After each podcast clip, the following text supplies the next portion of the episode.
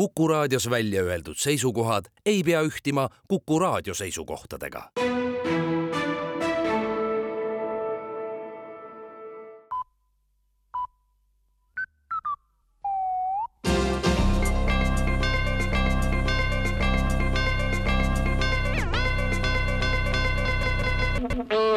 uudised on eetris ja stuudios Rohke Debelak valitsus annab teada, et õpetajate palgakokkulepe jäi ka eilse koalitsiooninõukogu järel sõlmimata, peamiselt usalduse puudumise tõttu. valitsuse pressiteenistuse teadetel ei ole valitsusel usku, et õpetajatega sõlmitud palgakokkulepet ka täitma hakatakse. Neid kordi, kui värskelt moodustatud valitsus on uljalt õpetajatele mitmeid hüvesid lubanud ja hiljem vaikselt vasakule ära kõndinud, ei jõuagi kokku lugeda ja seetõttu ei ole ka praegu põhjust mingit uut kokkulepet sõlmida, kui senised vanadki on täitmata lihtsalt ei ole enda vastu seda usaldust, märgitakse valitsuse teates ja soovitatakse õpetajatel vanadel tingimustel edasi töötada, sest siis vähemalt ei ole jälle pettumust oodata siseministeerium ja Kaitseministeerium on aga kokku leppinud riigi välis- ja sisejulgeoleku ühises tagamises. kuna riigieelarve on suure surve all, siis politseinike arv on jätkuvalt tugevas langustrendis. valitsuse sõnul ei ole riigi välis- ja sisejulgeolekut võimalik tegelikult teineteisele eelistada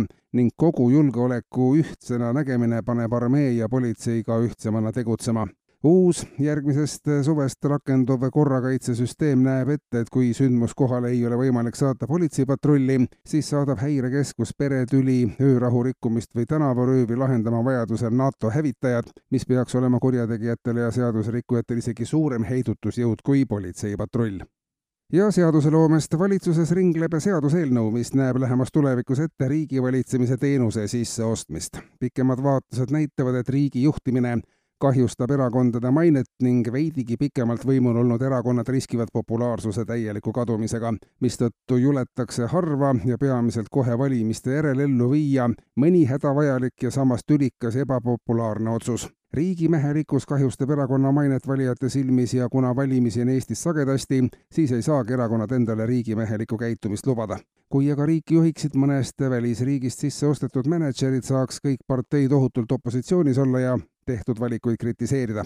pärast vastavate põhiseadusmuudatuste vastuvõtmist saaks Eesti Vabariigist aktsiaselts ja Tallinna linnavalitsus annab teada, et Keskerakonna süüdistamine eestikeelsele õppele ülemineku takistamises on ülekohtune. iga asi võtab lihtsalt aega. tegelikult on just Keskerakond see, kelle tegevuse tagajärjel eesti keel kestab üle aegade. praegust eestikeelsele õppele ülemineku tempot arvesse võttes näitavad arvutisimulatsioonid, et Tallinn läheb eestikeelsele õppele üle kolm kuud pärast seda, kui eesti keel on välja surnud siis saab Tallinnast eesti keele kants ja taimelava ja ainukene koht maailmas, kus kõlab eesti keel, märgib linnavalitsus ja lisab teates, et liigne kiirustamine ei too midagi head. kolmkümmend aastat on ühe keele ajaloos nagu üks päev.